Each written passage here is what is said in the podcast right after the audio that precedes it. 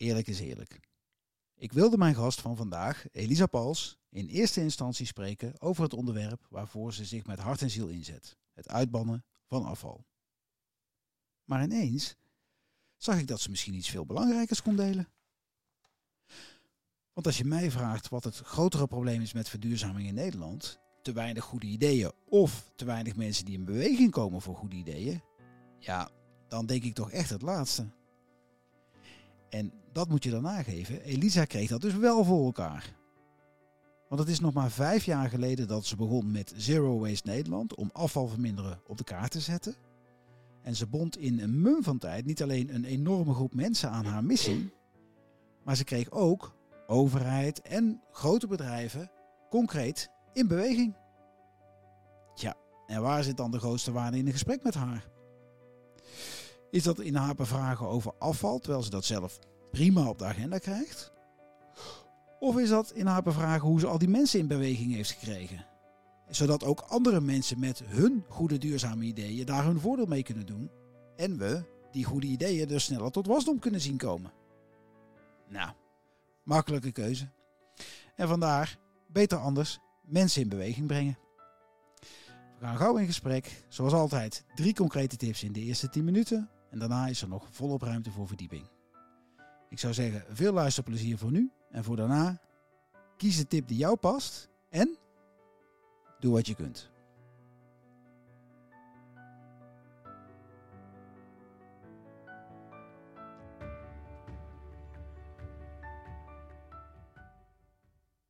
Nou, daar zitten we, Elisa. Yes. In Breda. Yes.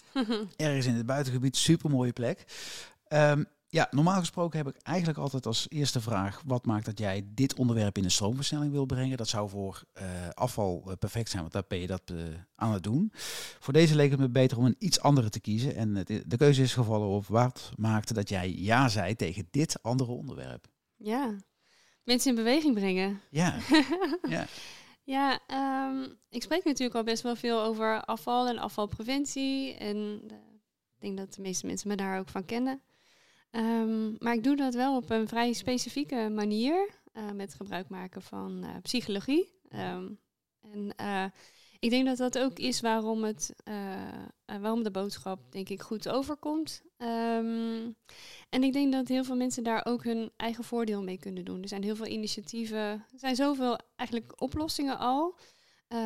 maar waarom we vaak nog niet verder komen, is omdat we vergeten mee te nemen waarom mensen eigenlijk doen wat ze doen. En waarom ze misschien nog niet doen uh, wat je wil dat ze gaan doen. ja. um, en heel veel daarvan is psychologie. Um, dus het lijkt me leuk om uh, daar wat meer over te vertellen, een beetje uh, inzichten daarin te geven. En die kunnen andere initiatiefnemers ook weer verder helpen. Ja, ja. en je bent ervoor opgeleid, hè? ja, klopt. Ja, ja, ik ben psycholoog van de achtergrond. Ja. En dan met name, er zijn heel veel type psychologen, maar mijn uh, afstudierichting ging met name dus ook over gedragsverandering. Uh, destijds ging dat meer over hoe zorg je dat mensen stoppen met roken, meer gaan bewegen, gezonder gaan eten. En diezelfde principes kun je ook toepassen op uh, duurzamer gedrag. dezelfde nou ja, bouwstenen gebruik je. Ja. Um, dus dat, ja, ik, ik heb gewoon ingezet wat ik wist en kan voor een duurzamere wereld. Ja, ja. Ja. Nou, dan is het een goede keuze geweest, denk ik. Uh, nou ja, zoals ik in de intro al zei, de eerste tien minuten zo ongeveer uh, doen we drie tips voor degenen die snel uh, aan de slag willen en niet de verdieping in willen. Dat mag ook, want liever actie dan, dan lang zitten luisteren. of actie en luisteren is nog beter. Ja, um, ja wat zijn jouw tips voor mensen in beweging krijgen? Mensen in beweging krijgen. Nou, de eerste tip is eigenlijk altijd handelingsperspectief bieden. Mm -hmm. Um, dus ook als je een groot thema aankaart, en soms is dat heel belangrijk dat je een beetje een helikopterview uh, presenteert van hé, hey, wat is hier eigenlijk aan de hand? Um, maar sluit nooit een boodschap af zonder handelingsperspectief. Ah. Mensen moeten altijd uh, direct iets kunnen met jouw inzichten. Uh, en het liefst iets wat gemakkelijk, het liefst vandaag of morgen toepasbaar is en overzichtelijk is. Mm -hmm. Um, dus handelingsperspectief is een hele belangrijke. Dus niet alleen het probleem aankaarten, maar gelijk een oplossing geven waar iemand gemakkelijk en snel mee aan de gang kan. Oké, okay, dus als ook wat dat betreft die tips aan het begin meteen geven en kort, dat is een, dat is slimme al, keuze eigenlijk. Ja, precies. Ja, nou, Die is, dat wist ik niet. Maar dat, eh, Dat was- doe je goed. nou, het was meer dat ik zelf een beetje eh, altijd lastig vind als een, een podcast een uur duurt. Dan, en, oeh, daar heb ik niet Ja. altijd tijd voor. Dus ik dacht, nou, als ik hem aan het begin doe, dan hebben we de snelle, wat ik zei, de snelle boodschapper is dan meteen, eh, heeft zijn spullen binnen, kan afrekenen en eh, aan de slag. ja, precies. Ja. En door. en je hoeft niet eens af te rekenen. Dat? Gratis tips. Ja. Ehm, maar je zegt handels, handelingsperspectief. Eh, Mhm. Ik ken de term, ehm, eh, maar misschien niet voor iedereen even zichtbaar zijn, niet voorstelbaar. Wat houdt het in? Dus dat je zegt, dit is wat je kunt doen. Of doe dit. Ja, precies. Ja. Het liefst heel kort, het liefst iets wat je mo- morgen kan toepassen. Ja. Dus bijvoorbeeld, ehm, eh, eh, nu wordt mij ook veel gevraagd van, oké, nou als ik dan minder afval wil produceren, wat moet ik dan doen? En dan zeg ik eh, als eerste, het gemakkelijkste wat je kunt doen is een nee-nee-sticker plakken op je deur. Mhm. Heb je veel minder papierafval en minder koopverleiding. Dat is iets wat iedereen kan. Het kost niks. Je kan het morgen doen. ehm, zo simpel mogelijk. Dus dat soort dingen waar mensen gelijk mee aan de slag kunnen. ehm, ja, dat, dat werkt heel goed. Ja. Ja, ja. Hou het simpel. Ja, ja. Duidelijk. Dus simpel, morgen toepasbaar. Ja. Als, dat moet je eigenlijk, daar moet je me altijd mee, en aan het eind ook mee afsluiten dus. Eh, ja, eh, nou dus, dat is ook een psychologisch principe, maar daar zal ik je nog niet heel veel mee vermoeien.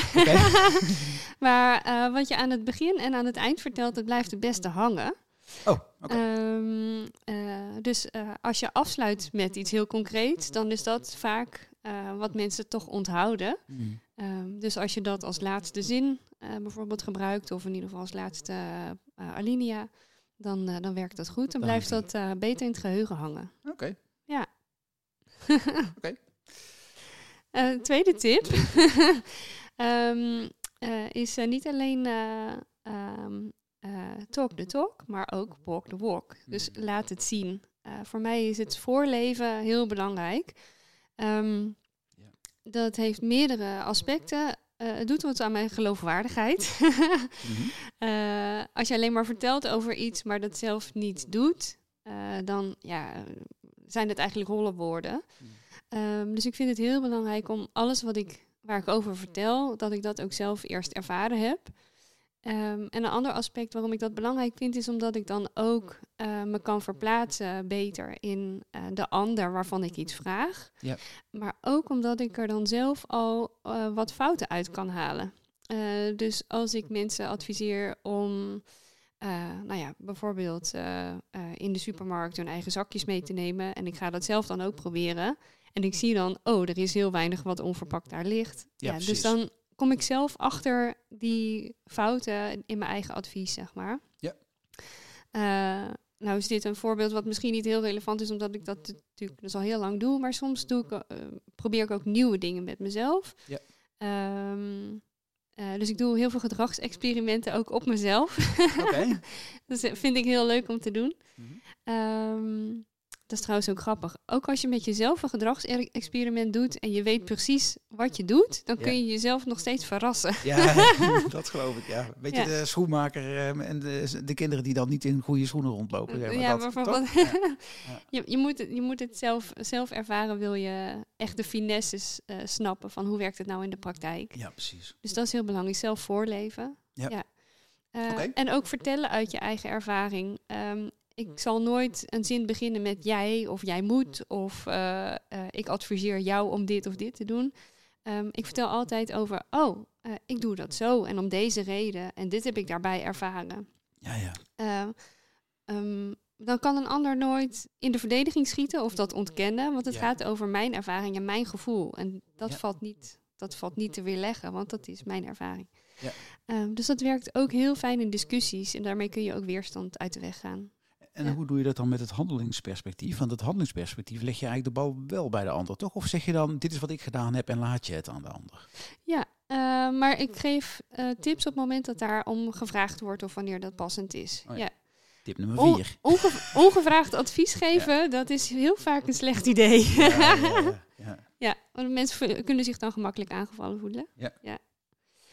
Ehm, en eigenlijk de derde tip die ik wilde geven. Oh, ik had al drie staan volgens mij. Oh, sorry. ik heb, nee, nee, nee. ja, ik dat zijn allemaal subtips die ik... hand- eh, handelings- nee, nee, dat is prima, maar dat, dat we het even goed doen. Handelingsperspectief, ik heb Dat keurig meegeschreven. geschreven. Walk the talk, ja, dat heeft dus met het voorleven te maken. Ja. Dus dat is tip 2. tip 2. Ja.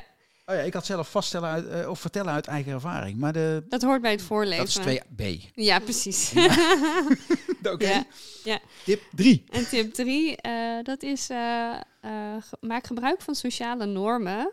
Ja? Ehm, en eh, identificeer ook waar taboes liggen of waar sociale barrières liggen. Oké, die mag je Ehm, even uitleggen. Ja, ehm, een mens is een groepsdier. Mhm. Wij zijn sterk geworden in onze overleving als soort, eh, omdat wij konden samenwerken. Mhm. Eh, en dat betekent hoe meer jij aflicht van het gemiddelde, dus hoe meer jij anders bent dan de groep waar je toe behoort, ehm, hoe spannender dat eigenlijk is. Voor jezelf, Ja, maar ook voor de groep.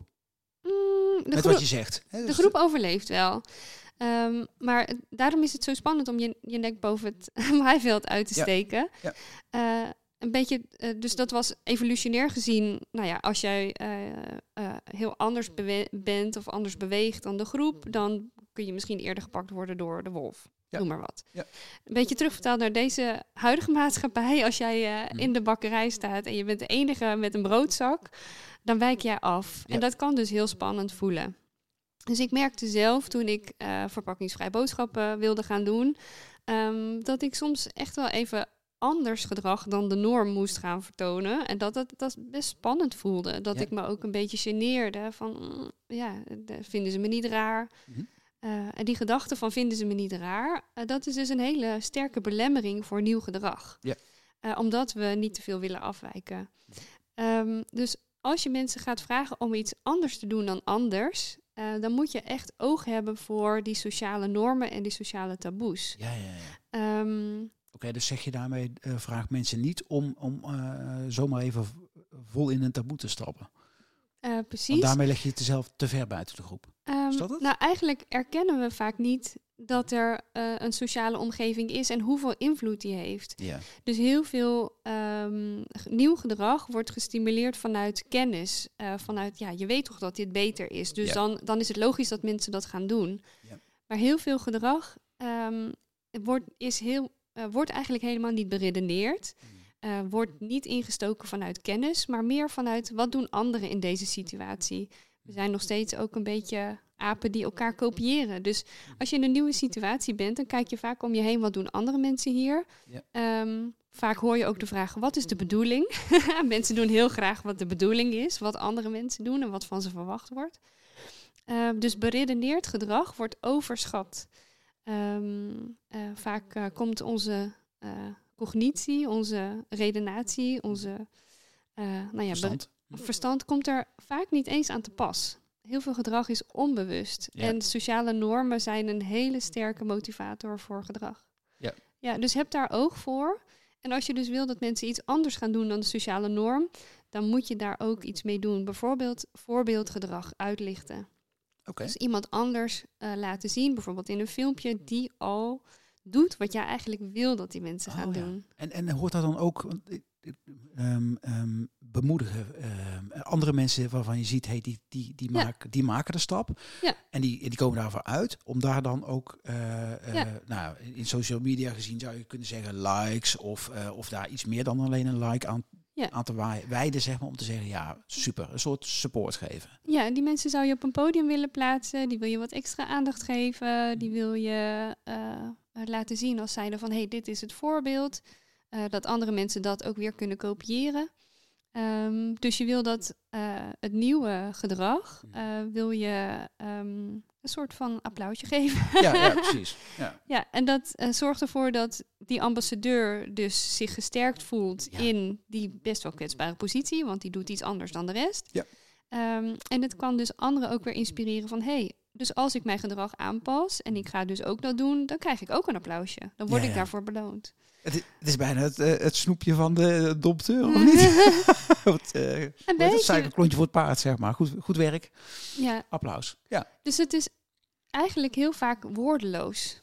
Ja. We hebben heel weinig, eh, eigenlijk om gedrag te beïnvloeden heb je niet zo heel veel woorden en kennis nodig, maar meer eh, visueel. Maak het ook visueel. Dat is ook weer een subtip. Sorry, het wordt een heel college. Zijn de tien Ja. minuten al voorbij? Al lang, maar dat geeft Oké. niet. Als de vulling goed is, dan praat niemand erover. Hè? Dus, Ja. eh, Er Hey, zit mooi. zoveel waarde in psychologie Ja. en ehm, eh, sociale psychologie ook. Misschien ook marketingpsychologie. Hè? Heel veel van wat eh, nu eh, gedaan wordt om ons ehm, eh, spullen te laten kopen, reisjes te laten boeken, hè? bijvoorbeeld om, eh, ehm, eh, ja, om, om dingen te doen, om, om, om nou ja, alles wat marketingpsychologie gebruikt om, om ons dingen te laten doen en kopen. Precies diezelfde dingen kun je ook gebruiken om, eh, om duurzamer gedrag eh, te Ja, promoten. precies. precies. Ja. Dus eigenlijk, de, eh, als je het heel plat slaat, datgene waar je nu, wat je nu gebruikt om anderen te overtuigen voor het ene gedrag, kun je ook Mm. inzetten voor het andere gedrag. Precies, ja. Mhm. Ja. Ja. Dus dan is het bijna een morele keuze hè, die, die, die een organisatie kan maken. Eigenlijk zou het bijna, nou, tip 5 zou kunnen zijn. Beste reclamemakers met ongelooflijk veel talent. Zet je ongelooflijke kwaliteiten in voor een ongelooflijk mooiere wereld. Precies, ja. Dat zou helemaal subliem zijn natuurlijk, want ze weten hoe het werkt. ja. Je ziet ook wel langzaamaan een beweging ontstaan eh, onder marketeers. Oh ja? Eh, ja, zeker, ja. Eigenlijk in bijna elke beroepsgroep zie je eh, tegenwoordig ook wel ehm, een besef van... oké, wat ik hier nu aan het doen ben, ben en de talenten die ik heb, de vaardigheden... ben ik die voor het juiste aan het inzetten. Ja, hè? Ja. Eh, dus eh, onder reclamemakers is er echt wel ook een bewustwording gaande. Ehm, maar in, in heel veel beroepsgroepen en dat- misschien al een klein beetje meer op de inhoud. ehm, je ziet heel veel, volgens mij heet het climate quitting. Ja. Dus dat mensen eh, ontslag nemen bij hun eh, huidige baan, omdat ze het gevoel hebben van ja, dit, dit draagt niet bij aan een betere wereld. Of sterker nog, met deze baan draag ik bij aan de vernietiging daarvan. Ehm, dus dat mensen echt om die reden een andere baan gaan kiezen. Eh, en dat is zo bemoedigend. Ja, ik ben heel blij met die beweging. Het is een hele sterke prikkel voor bedrijven om te verduurzamen. Ja. Want ze merken gewoon hun personeel, lopen weg. personeel loopt weg. Ja. Ja. Nou ja, ja, ik ben er zelf ook een van. Maar goed, daar gaan we het nu niet bij stilstaan. Maar eh, Ja. ja. Oké. Ehm, ja, ik dacht, kijk, het mooiste is natuurlijk, dit zijn de tips. Wat moet je doen? Mm. Ik ben ook wel benieuwd. Wat moet je laten? Wat moet je echt laten? en dan heb je het over je persoonlijke Om mensen in beweging, nee, om mensen in beweging te krijgen. Zeg. Want uiteindelijk, ja, tu- Oh ja. je Ja, het ja, mag ja. ook op het persoonlijke, maar ik ben ook benieuwd naar. ehm, Ja. ja, nou zeg jij het eigenlijk maar. Wat is het verstandigst om nu te behandelen? Zeg maar. Want- Ehm, nou, ehm, kijk, als het, als het gaat over wat moet je niet meer doen, dan eh, denk ik dus vaak aan nou ja, de, de woorden die ik gebruik als het gaat om eh, eh, hoe, ver- hoe verklein je je voetafdruk. Hè? Dus wat, wat moet je laten? Nou ja, bijvoorbeeld dus niet meer heel veel fast fashion kopen. Ik ben sowieso gestopt met nieuwe spullen kopen. Dus er zijn best wel veel dingen die je kunt laten om je eigen voetafdruk flink te verbeteren. Ehm, maar als het gaat over ge- gedragsbeïnvloeding, Ja. dan zijn er ook echt wel ehm, wat dingen die je zou moeten laten. Ehm, en, en, en belangrijke die ik dus niet doe, Ehm, dat is ehm, eh, mensen informeren over hoe groot het eh, klimaatprobleem is, of in mijn geval specifiek dan nog het afvalprobleem. Dat doe ik alleen als ik ruim de tijd heb. Dus als ik een presentatie geef van zeg een half uur, drie kwartier, dan vertel ik ook mensen over eh, hoe groot het afvalprobleem is en hoe groot het plasticprobleem is. Iets over plastic soep en dat soort dingen. Mhm. Ehm, maar eh, ik stap dan altijd vrij snel door naar, oké, en wat kunnen we hier aan doen? ja. Dus, eh, dus ik sluit altijd af met handelingsperspectief weer. Ja. Ehm, dus maar- nooit te lang in de doem hangen, zeg maar. ja, en soms, eh, dus als ik kort de tijd heb, of als, ik, als het een post is op socials en wat, waar mensen echt maar kort een boodschap kunnen lezen, dan vermijd ik het überhaupt. Dus dan heb ik het niet over duurzaamheid, niet over klimaat, niet over plastic probleem, uh, over het afvalprobleem. Mhm. Eh, maar dan heb ik het alleen over de oplossing. Ja. Ehm, een voorbeeld is, ehm, ik ben al heel lang vegetariër en ik ben eh, ook echt voor die hele eh nou, wakker dierbeweging en dat soort dingen. Mhm. Maar ik vind het heel moeilijk om dat soort platforms te volgen, omdat daar veel plaatjes voorbij komen van dierenleed en dat raakt mij heel erg. Ja. En ehm, ik, kan die, ik kan niet zoveel met die boodschap. Die boodschap doet mij pijn. En ik, en ik doe het juiste gedrag al.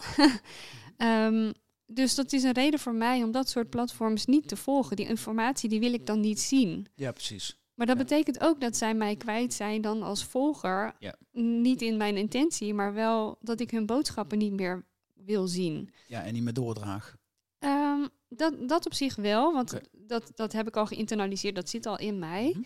Ehm, maar als een beetje terugvertaald naar, naar mijn situatie. Dus als ik eh, heel veel eh, plaatjes zou laten zien van plastic soep, ehm, dan, kunnen, dan raken mensen in een negatieve emotionele stemming. Ja. En die maakt passief. Ja. Ja. Ja. Wat je eigenlijk wil zijn, is het, eh, eh, het leuke feestje in de verte. Wat je hoort van, hé, hey, dat klinkt gezellig. Eh, daar, wil ik, daar wil ik bij horen. Ja, Wat ja. is daar aan de hand? Dat, dat, dat klinkt als iets leuks. Ja. Ehm, eh, dus je wil mensen naar je toe trekken. En dat doe je beter met iets positiefs dan als je mensen steeds het probleem laat zien. Want ehm, eh, dus het- wat ik net zei, het probleem laten zien. En zeker als, je, als dat gepaard gaat met visuele beelden dan zorgt dat voor, eh, voor een gevoel van machteloosheid en daarmee ook passiviteit. Van wat kan ik hier nou aan doen? Ja, dan krijg je ook een beetje dat mensen misschien gaan denken, eh, het, is maar, het maakt niet uit wat ik doe. Het is maar een Ja. druppel op een gloeiende plaat. Dat soort Ja, Ja. gedachtes. Ja. ja, precies. Ehm, Maar wat is dan de reden, vroeg ik me af, eh, dat mensen dat wel blijven doen, zeg maar. Dat soort organisaties, die kunnen ook een, een gedragspsycholoog ja, daarbij betrekken of zo. ja, Of zijn er ook leren in de gedragspsychologie die zegt, nou, hel en verdoemenis. Een volle bak eroverheen en dan eh, lukt het. Ik denk het niet, nee, maar... dat zijn, het zijn een beetje meer de, eh, dat, eh, hoe zeg je dat, vanuit de traditionele psychologie is, zijn dat soort theorieën ook wel toegepast geweest. Ehm, je ziet het bijvoorbeeld ook op sigarettenpakjes, hè, dus Ja, ja. akelige plaatjes. Ehm, dat werkt maar heel, heel beperkt. Daar is ook onderzoek naar gedaan. Ehm, wat, er zijn eh, andere ingrepen die veel, veel beter werken. Oké. Dus ehm, Dus eigenlijk achterhaalde methode. Is dat... eh, ja, het, ehm, het kan werken, maar vaak dan in combinatie met iets anders. Dus alleen maar het negatieve plaatje laten zien, dat, eh, dat werkt eigenlijk averechts. En de Ja. combinatie met iets anders, hè? want als we dan toch eh, Ja. eh, iets mee willen geven, de, en die combinatie met iets anders is dan weer dat handelingsperspectief. En wat kun Ja. je daar concreet aan doen? Ja, precies. Het koppelen aan oplossingen Ja. die dus weer morgen toepasbaar zijn, waar je blij van wordt. Ja. Ehm, ik benadruk eigenlijk altijd wel- welke aspecten er positief zijn aan het nieuwe gedrag. Dus is het leuk, gezellig, lekker, eh, goed voor je gezondheid, kun je er geld mee besparen. Dat soort dingen vertel ik altijd over. Ehm, maar, eh, maar wat er slecht aan is, dat, eh, dat probeer ik eigenlijk zo, zo min mogelijk Ja. te laten zien. Mooi. Oké, dus wat je laat, en dat doe jij zelf ook. Want ik, je zei dat dat doe ik zelf ook niet, maar je bedoelt dat doe je ook wel, want je laat het. Hè? Dat is een beetje Ja, moeilijke met niet-constructies. Wow. maar ja, ja, zo, Ja. ja. waar zitten we? Ja. Maar, ehm, Ja. ja, oké, nee, maar helder. Dus, eh, en nog een andere die je beter kunt laten? Goh, een andere die je beter kunt laten. Ik denk dat dit wel de belangrijkste is. Hmm. Ja. Nou, ik heb nog genoeg andere vragen hoor, dus ik wil het er ook bij laten. Dat is gewoon prima. Ehm, ja, te veel, te veel voorschrijven. Wat wat, wat Ja. goed werkt. Mhm. Eh, misschien een, een, een voorbeeld vanuit eh, ehm, vlees-vega-consumptie. mhm. Ehm, eh, ik zit ook een, een beetje met het thema weerstand. Mhm. Stel je komt in een, in een omgeving waarbij.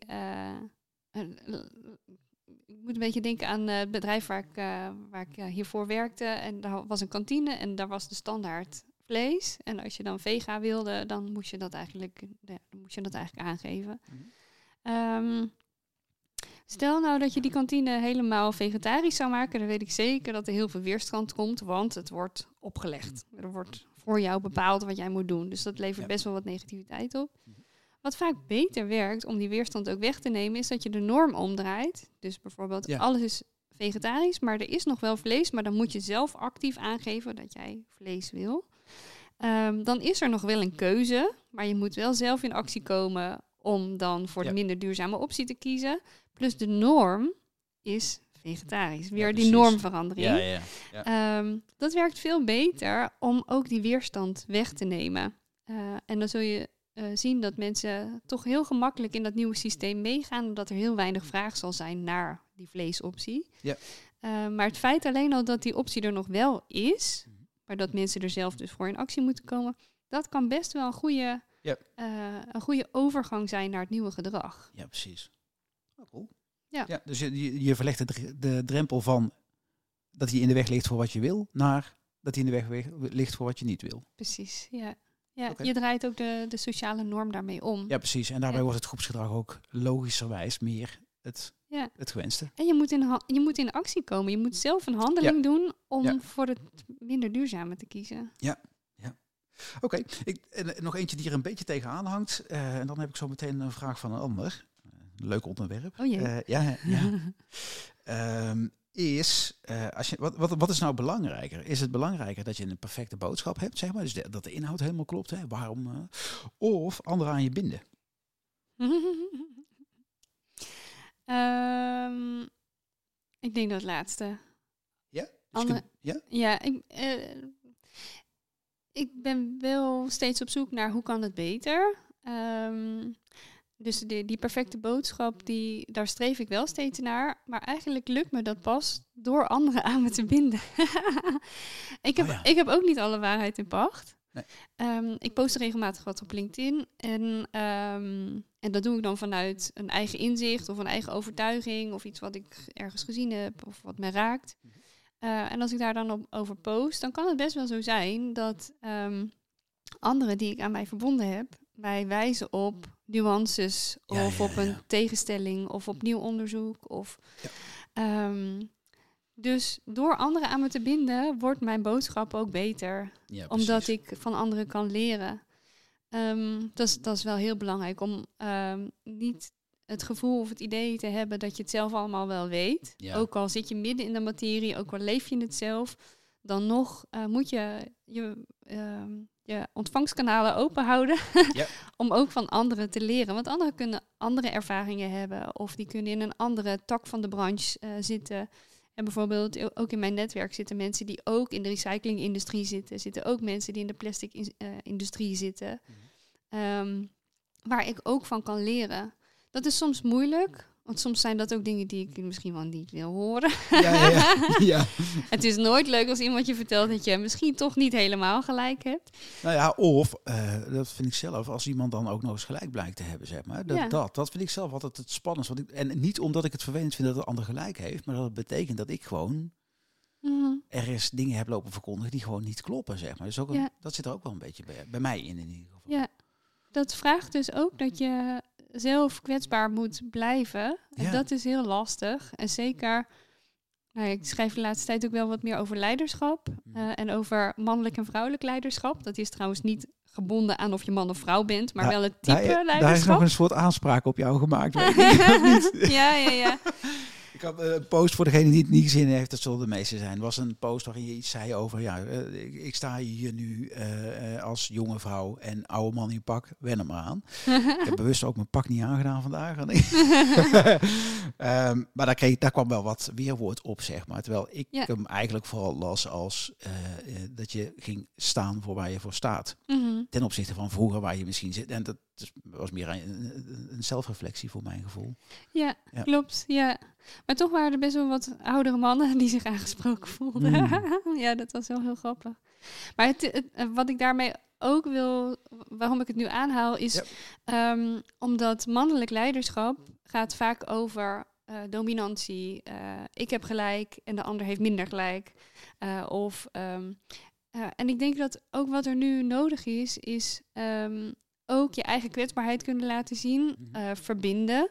Ehm, ook eh, anderen aan het woord laten, anderen de ruimte geven om ehm, hun inbreng te doen.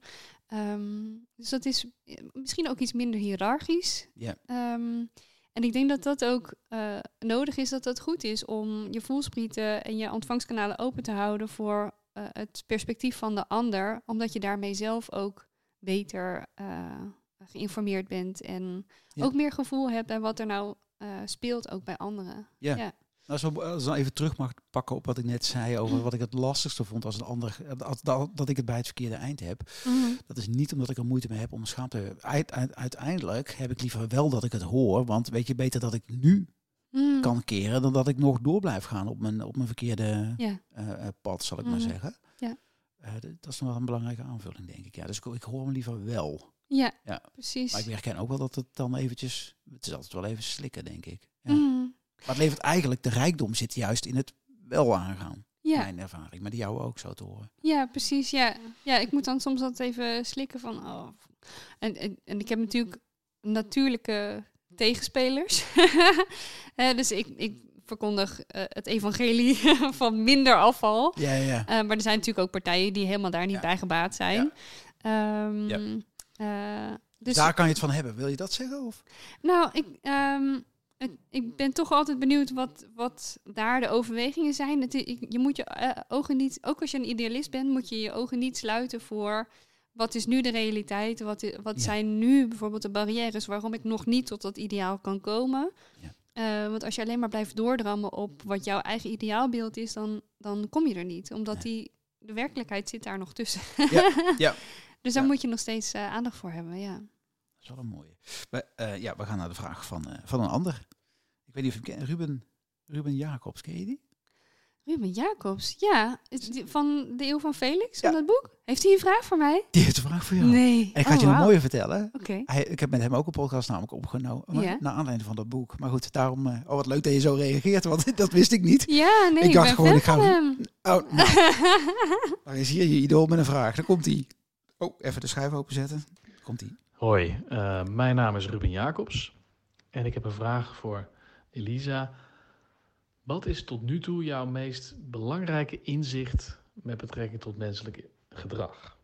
En daaraan toegevoegd, waar kan je nog niet de vinger op leggen? Wat, wat snap je nog niet van mensen? Wat een mooie vraag. Mijn belangrijkste inzicht tot menselijk gedrag en wat snap ik nog niet? Ja. Ja. Ehm, misschien om te beginnen met dat laatste. Ja. Eh, wat ik nog niet snap is waarom we geld nog steeds zo belangrijk vinden. Terwijl geld en spullen, waarom we dat nog steeds zo belangrijk vinden. Omdat ik denk de meeste mensen ervaren wel eh, als ze op vakantie zijn, als ze weinig spullen bij zich hebben, als ze eh, niet zo in die red race zitten, dat ze dan veel gelukkiger zijn. Dat was in ieder geval mijn ervaring. En ik denk dat dat voor veel mensen zal gelden. Ik herken hem wel, ja. ja. Ehm, waarom we dan nog steeds al dat hebben nastreven. Ergens weet ik daar ook wel een antwoord op hoor. We zijn natuurlijk, daar zit ook wel een soort van nog steeds die verzamelaarsdrang in. Mhm. Nog best wel weer zo'n oer-instinct. Ja, en misschien ook wel voorraden aanleggen voor als het een keer minder is of zo, hè? Ja. Ja. maar we leven niet meer in de tijd van schaarste. We leven in de tijd van overvloed. Ja. Ehm, belangrijkste inzicht van menselijk gedrag. Ja, toch wel dat ehm, eh, het meeste gedrag, eigenlijk wel zo'n 97% is onbewust. Ehm, en eh, heel veel van wat er nu gedaan wordt aan campagnes, Mhm. dat is eh, gericht op bewustwording. Ja, ja, precies. Bewustwordingscampagne. Ja, Ja. eh, ik, altijd als ik een lezing geef, dan vertel ik, ik ben psycholoog en ik heb een allergie ontwikkeld voor het woord bewustwording. Laten we het niet meer hebben over bewustwording, laten we het hebben over gedragsverandering. Ja. En het mooie is dat gedragsverandering zonder bewustwording kan. Als je de sociale norm en als je het systeem verandert, dan hoeven mensen helemaal zich niet bewust te worden van bepaalde dingen. Ehm, maar dan wordt dat gewoon de makkelijkste en de meest voor de hand liggende optie. Eigenlijk een beetje wat ik net vertelde met dat vlees-vega aanbod. Ja, ja, ja. Ehm, Maar zeg je dan ook dat, dat wetgeving bijvoorbeeld een veel belangrijkere factor is dan we denken? zeker, ja. Ja, ja, ja, zeker, ja. Verbieden ook, want ik denk, ik, als ik naar mezelf kijk, Mhm. ik, heb, ik, ik heb een... eh, ik heb een hele hoop karakterzwaktes, maar eentje daarvan, een hele lastige, kan wel eens zijn dat ik, dat ik moeilijker tegen kan als mensen me dingen gaan verbieden, zeg maar. Maar misschien is de nuance wel moeilijker tegen kan als ze verbieden en ik het echt niet kan volgen. Ja, Dat. Niet, kan, niet, en de, niet in de zin van niet begrijpen. ja. Dat ik het Nou, niet zie. Ehm, misschien een goed, eh, een goed voorbeeld is, eh, is vanuit Europa is er nu op een aantal single-use plastics een verbod ingesteld. Ja. Eh, dus eh, wegwerpvorkjes, wegwerp, eh, nou ja, we hebben een heleboel wegwerpplastic wat gemaakt is voor single-use. Nou, een aantal van die dingen die mogen niet meer. Dus het wordt jou niet persoonlijk verboden, maar het ligt gewoon niet meer in de winkel. Ja. Ja, precies. Ehm, dus, ehm, en voel jij dat dan nu als een belemmering? vraag ik me af, voelt dat voor jou als een verbod? Of heb je het haast niet opgemerkt dat het aanbod er niet meer is? Ja. Ehm, dus ik, ik denk dat, dat daar heel veel eh, ja, nodig is. Echt een, een dappere overheid die, eh, die moreel handelt.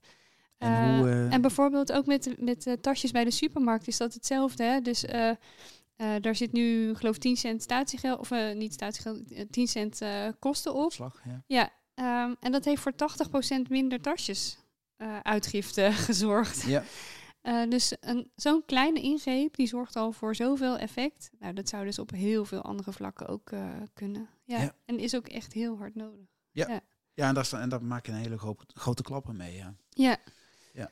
En dat zorgt dus ook voor dat mensen onbewust met veel, eh, hoe zeg je dat, veel snellere, duurzamere stappen kunnen, kunnen zetten.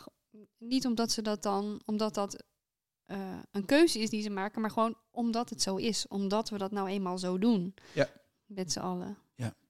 Ja, dus inzetten op onbewust gedrag, eh, dat is voor mij een, eh, een hele belangrijke.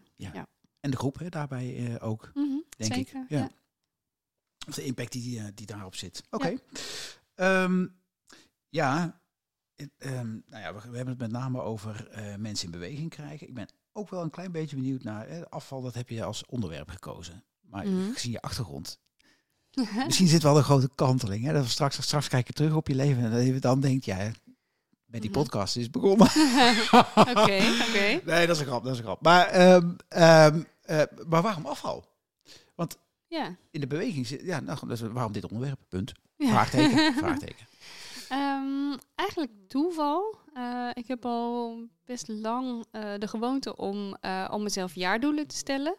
Ehm, eh, dus niet per se een goed voornemen van oké, morgen vanaf 1 januari stop ik met dit of ga ik dit doen. Maar meer, ik ga in dit jaar met dit thema aan de slag. En in 2015 was dat E-nummers. Ah. Ehm, Ik Mhm. wilde minder E-nummers gebruiken, minder bewerkingen. Dat had met wat medische redenen te maken. Mhm. Ehm, dus ik dacht, ik ga dit jaar eens onderzoeken hoe ik minder E-nummers eh, binnen kan krijgen. Ehm, en ik kocht een klein boekje waarin alle E-nummers beschreven staan. En daarmee liep ik door de supermarkt. En toen ging ik alle etiketten bestuderen.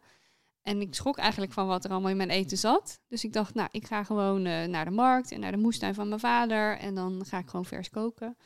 Ehm, met hele producten. En per ongeluk produceerde ik veel minder afval. Ehm, en toen dacht ik, oh, dat is interessant. Als ik dit nu onbewust al voor elkaar krijg, wat kan ik dan doen als, ik, als het bewust, als ik daar bewust mee aan de slag ga? Kan ik dan ook eh, misschien mijn schoonmaakproducten de- Uitbannen. uitbannen? Ja. Ehm, en zo werd het van, van E-nummers werd het langzaamaan een zoektocht naar minder afval. Ehm, dus dat is die hele start in het begin was, eh, was per ongeluk. Mhm. Ehm, wat ik wel merkte is dat eh, afval is iets heel tastbaars. Ehm, heel veel als het nu gaat over duurzaamheid en klimaat en CO2. Ja, dat is vaag. dat is, ja, het zijn hele brede concepten. CO2 is ook iets in de lucht. Je kan het niet eens zien of va- vastpakken. Mhm. Maar afval is iets wat je elke dag in je handen hebt. Je wordt, er wordt elke week iets van je verwacht om bijvoorbeeld de vuilnisbak erg, eh, er aan de straat te zetten of je vuilniszak ergens naartoe te brengen. Dus je, je moet er const- constant iets mee. En je, het is heel zichtbaar en tastbaar en er wordt iets van jou verwacht daarmee.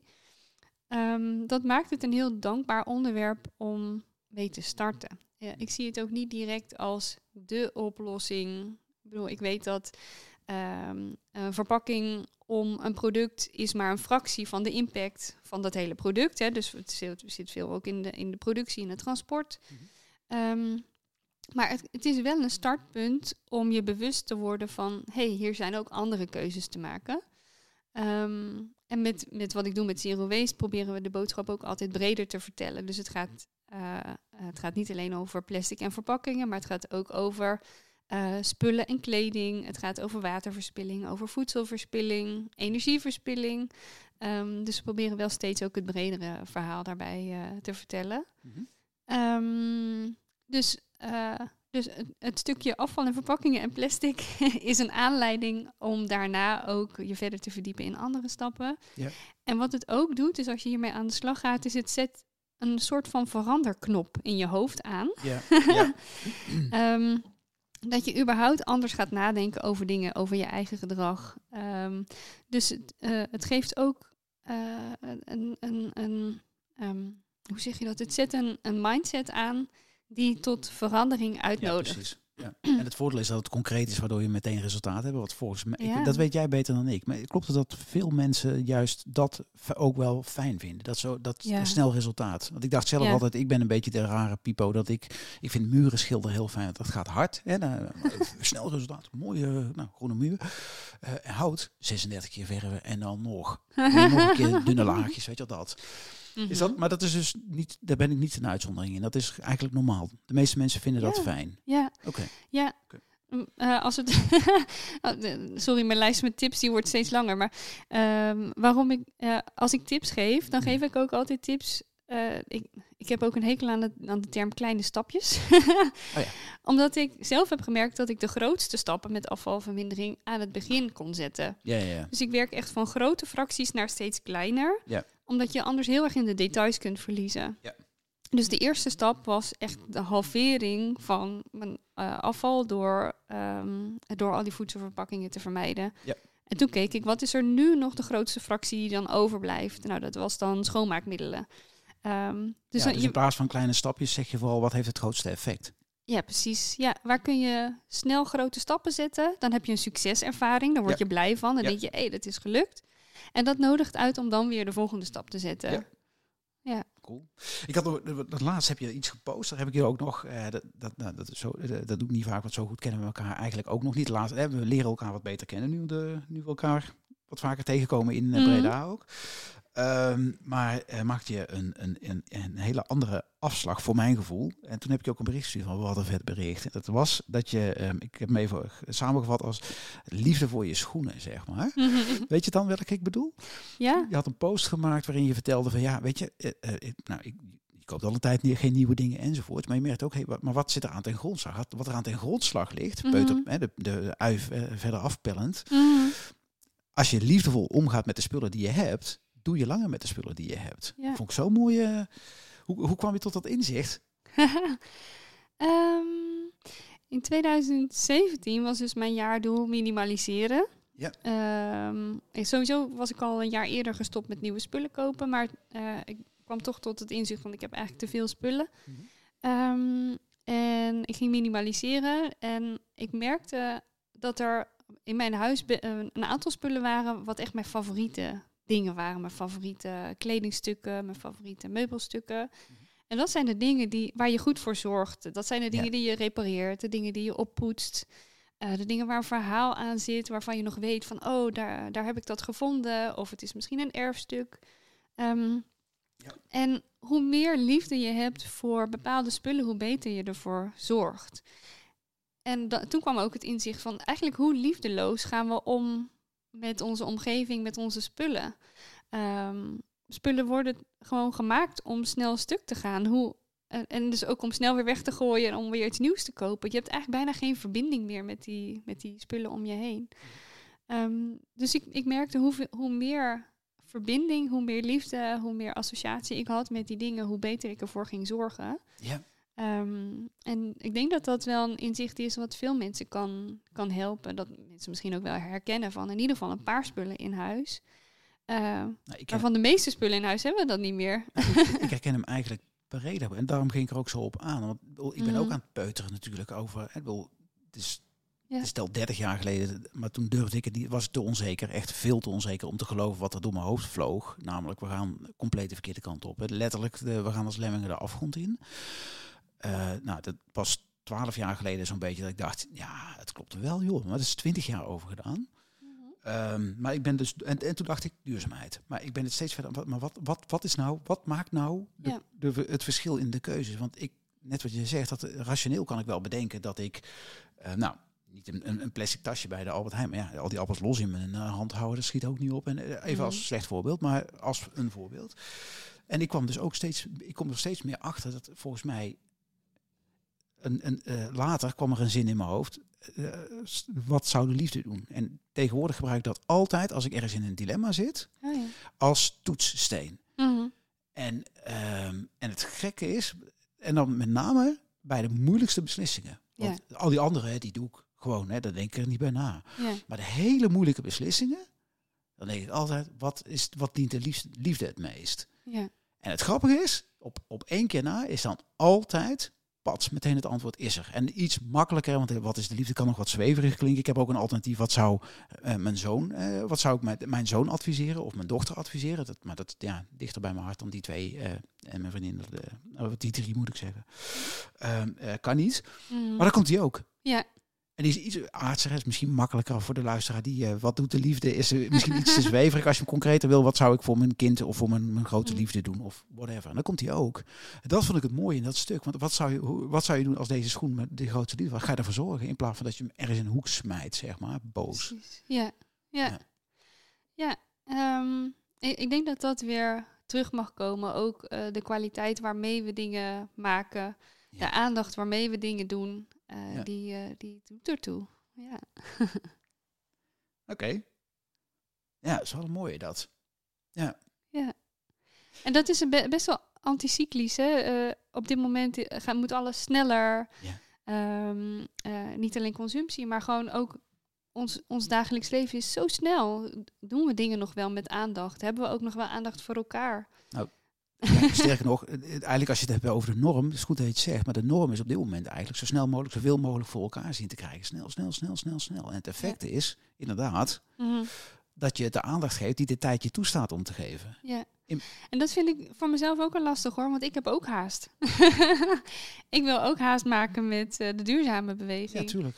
Ehm, en, en dan vraag ik me af, ga ik dan niet net zo goed mee ook in die, in die beweging? Ja, dus het, het vraagt ook nog steeds dus ook weer kritisch zijn op jezelf van wat, wat doe ik en draag ik Ja. ook daar niet aan bij. Ja, eh, doe ik nog steeds jouw tip 2, hè? walk the talk. Ja, Ja. precies. Maar dat is wel een mooie brug. Ik had nog een vraag openstaan net toen je zei over die, dat je elk jaar een jaarthema had. Wat is die van jou dit jaar? Oh, wauw. Eh. Ja, jij walk the talk zeg je, dus kom maar op. ik had je vannacht moeten kunnen bellen. ja. Nee, ja. Ehm, nee, wat, wat voor dit jaar echt wel eh, voor mij een belangrijke is, is ook meer uit handen geven. Ehm, Oh. Ik doe nog heel veel zelf. Ehm, en eh, eh, om de beweging groter te kunnen maken, moeten we echt met. we zijn al met veel mensen, ja. maar ik bedoel dan ook meer mensen echt naast mij.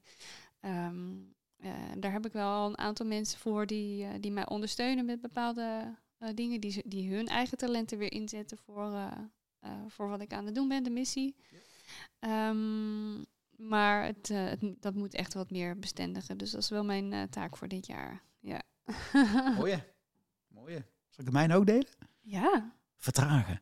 vertragen. Ah ja. Ja. Nou ja, dat is eigenlijk misschien waarom je het net, waarom het ook aanhaakt bij waar we het net over hadden. Dat, dat dit is ook waarom het dat bij jou naar boven komt. Ja. Ehm, ja. Ja.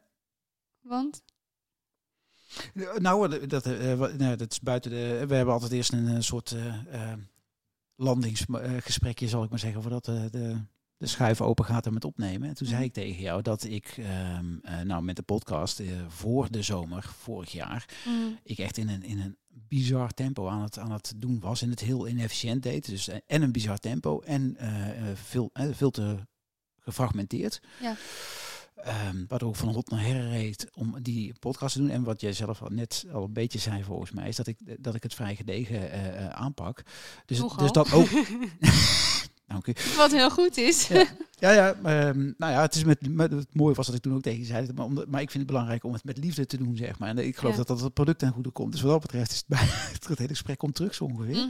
Ehm, maar dat, en ik heb voor mezelf wel geconstateerd, dat, maar dat, dat, dat ik hol mezelf uit. Mhm. Dus dat is niet verstandig. Daarmee is het ook weer niet volhoudbaar of duurzaam voor mezelf. Dus, nou ja, dus ik weet, handrem erop. En dan wordt het ook beter van, want dan heb ik rust en dan kan ik het ook. Nou, is het ook leuk om te, blijft het ook leuk om te doen, want ik vind zo'n gesprek voeren fantastisch. Dus ja, ja, Ja. ook wat jij dan eh, nu, eh, nu wil laten zien. Dus. Hey, maar eh, gezien de tijd, ehm, eh, maar dat is dus de reden voor de vertraging, zeg maar. Ja. Ehm, waarbij ik dan wel een klein beetje vertragen om toch wel ergens een beetje te versnellen. Maar dat dus op slimmere wegen vinden. Mhm. Ehm, ja, ik heb nog, nog één iemand die ook een vraag had. En dat is je broer. Oh, Oeh, ja, daar komt hij. Mijn vraag aan jou is, naarmate je succes binnen de zero waste wereld groeit, neemt ook de druk om een steeds grotere groep mensen te bereiken toe. Ben je niet bang dat die druk om een steeds grotere impact te maken ten koste gaat van je persoonlijke gemoedsrust en je eigen geluk dan niet te veel afhankelijk gaat worden van succesmomenten? En hoe denk je in de toekomst die balans te gaan vinden? Mijn broer weet wel waar het pijn doet. En wil je dat delen of is dat eh, niet zo relevant? het is zeer relevant. Ja. eh, maar het is wel een, een struggle. Hij, hij weet natuurlijk heel goed waar ik mee struggle. ja. ehm, ik denk niet zozeer dat. eh, de, en ik voel niet een druk om steeds meer mensen te bereiken, want eigenlijk gaat dat wel vanzelf. Oké. Ehm, en daarbij ben ik bijvoorbeeld ook heel dankbaar voor LinkedIn.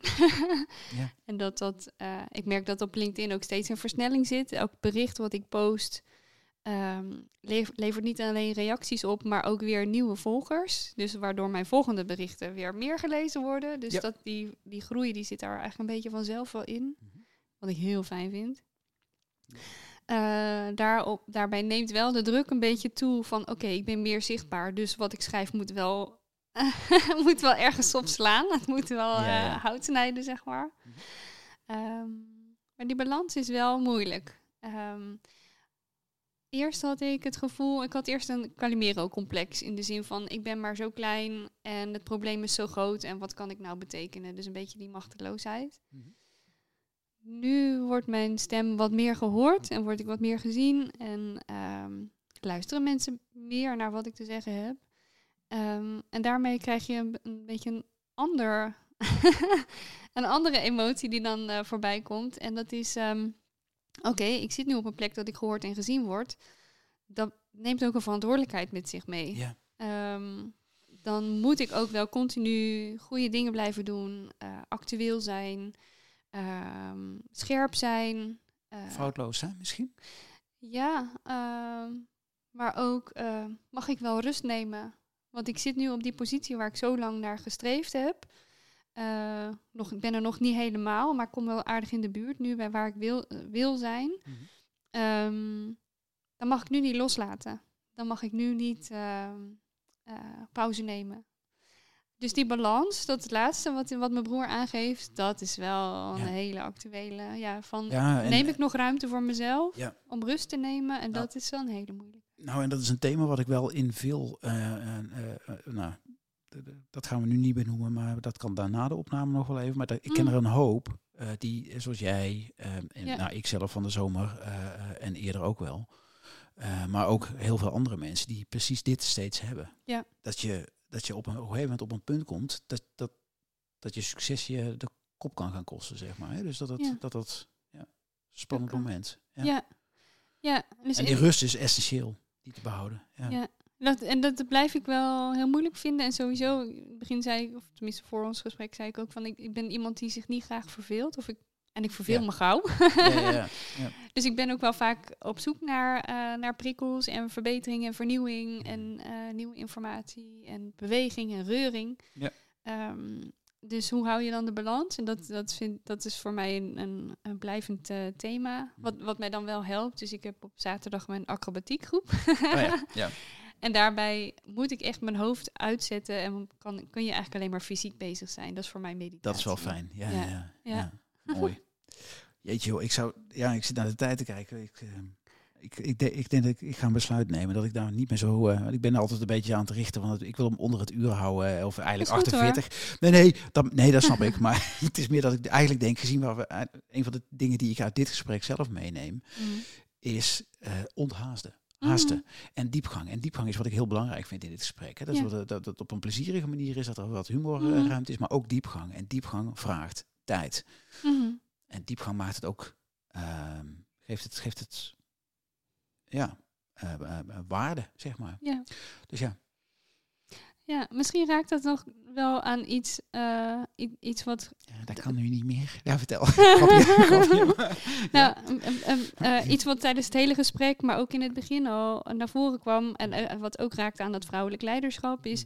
eh, als je mensen in beweging wil krijgen, dan moet je ze niet in hun hoofd raken, maar in, hun hart. hart. En, misschien, en bij mij zit dat misschien nog wel meer in mijn buik. Mm. Ehm, ik voel heel snel aan mijn buik van, heb ik ergens zin in? Mm. Of krijg ik ergens buikpijn van en eh, voel ik me dan akelig daarbij? Mhm. Eh, om daar oog voor te hebben bij jezelf, maar ook dat, eh, daar een vraag over te stellen bij de ander van, hey, wat doet dit met jou? Eh, dan heb je het echte gesprek, dan komt er kwetsbaarheid, dan komt er veranderbereidheid.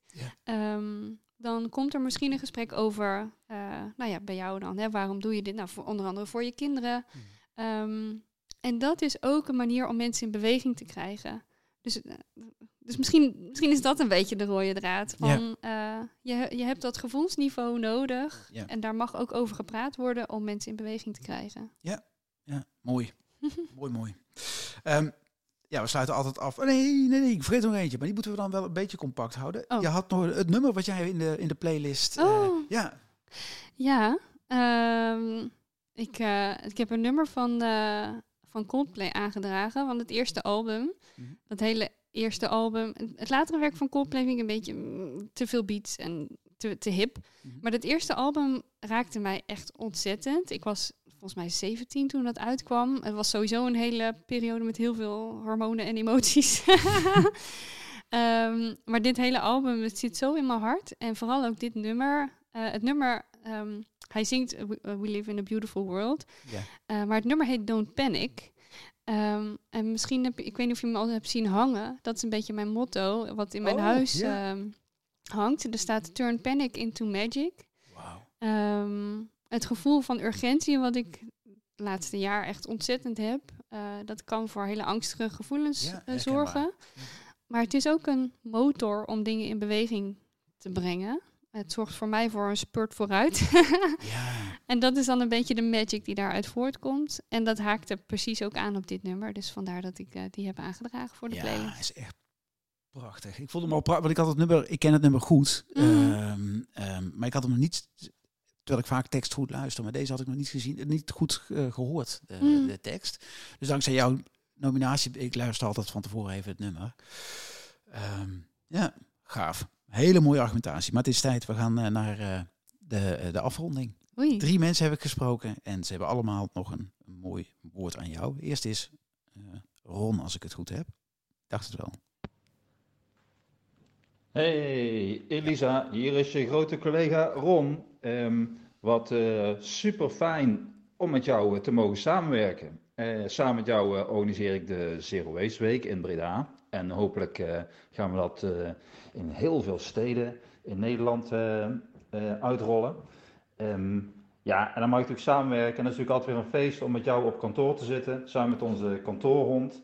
En ehm, ja, ik ben altijd wel onder de indruk hoeveel jij dan weet en eh, hoe, hoe jij dan in de materie van de zero waste zit. En die duurzaamheid en circulaire regels en wetten en wat er dan wel, wel en niet allemaal aan eh, klopt, dat eh, hoor ik dan ook allemaal. En ehm, ja, daar heb ik wel diepe respect voor, dat je het allemaal weet en dat je dat ook nog goed kan uitleggen en zo kan vertellen dat mensen ook nog enthousiast zijn om te gaan consumeren of meer, te gaan zero wasten. En dan ook nog leuke handelingsperspectieven te geven. Op social media, uh, LinkedIn, Instagram. ik zie het allemaal voorbij komen. En ik denk soms van, waar haalt Elisa al die tijd vandaan? Maar um, nou, ga door met het goede werk. En we zien elkaar binnenkort weer op kantoor. Doei! Hey zus, ontzettend knap wat je in die relatief korte tijd met Zero Waste allemaal hebt weten te bereiken. Onder andere tijdens de Zero Waste Breda heb ik met eigen ogen kunnen zien wat jij eigenhandig met een hele hoop inspanning en weliswaar met hulp van anderen teweeg kunt brengen. En daarbij weet je heel goed dat je je doelgroep juist moet inspireren en niet delegeren. Om die dingen allemaal te bereiken heb je volgens mij ook jezelf aan moeten leren om steeds comfortabeler op de voorgrond te staan. Dat vind ik ook heel bewonderingswaardig. Dus ik zou zeggen, zus, keep up the good work. En je vriendin Kiki. Lieve, lieve Elisa, ik ben zo ontzettend trots op jou. En ik ben ook heel dankbaar dat ik als een zuster aan jouw zijde mag staan in dit leven. Um, ik vind het zo ontzettend knap um, dat je gaat staan voor waar jij in gelooft. Voor jouw idealen. dat je je passie volgt en opkomt voor de aarde en de wereld waar jij in gelooft en, en die je wilt creëren. En dat je daarin zoveel anderen inspireert en met je meeneemt. Ehm, als een soort van ripple effect of als een sprankeltje wat je verspreidt door wie jij bent uh, en daarmee het vuur in, in heel veel anderen ook aanwakkert om op te komen voor een, een aarde waarin we met meer harmonie en meer eerbied, eerbied voor moeder aarde leven. En ik vind het, um, ik weet dat het niet dat het makkelijk is om een, een pionier te zijn op dit vlak, maar je doet het wel. Um, dus ik ben gewoon heel trots op jou. Dikke kus.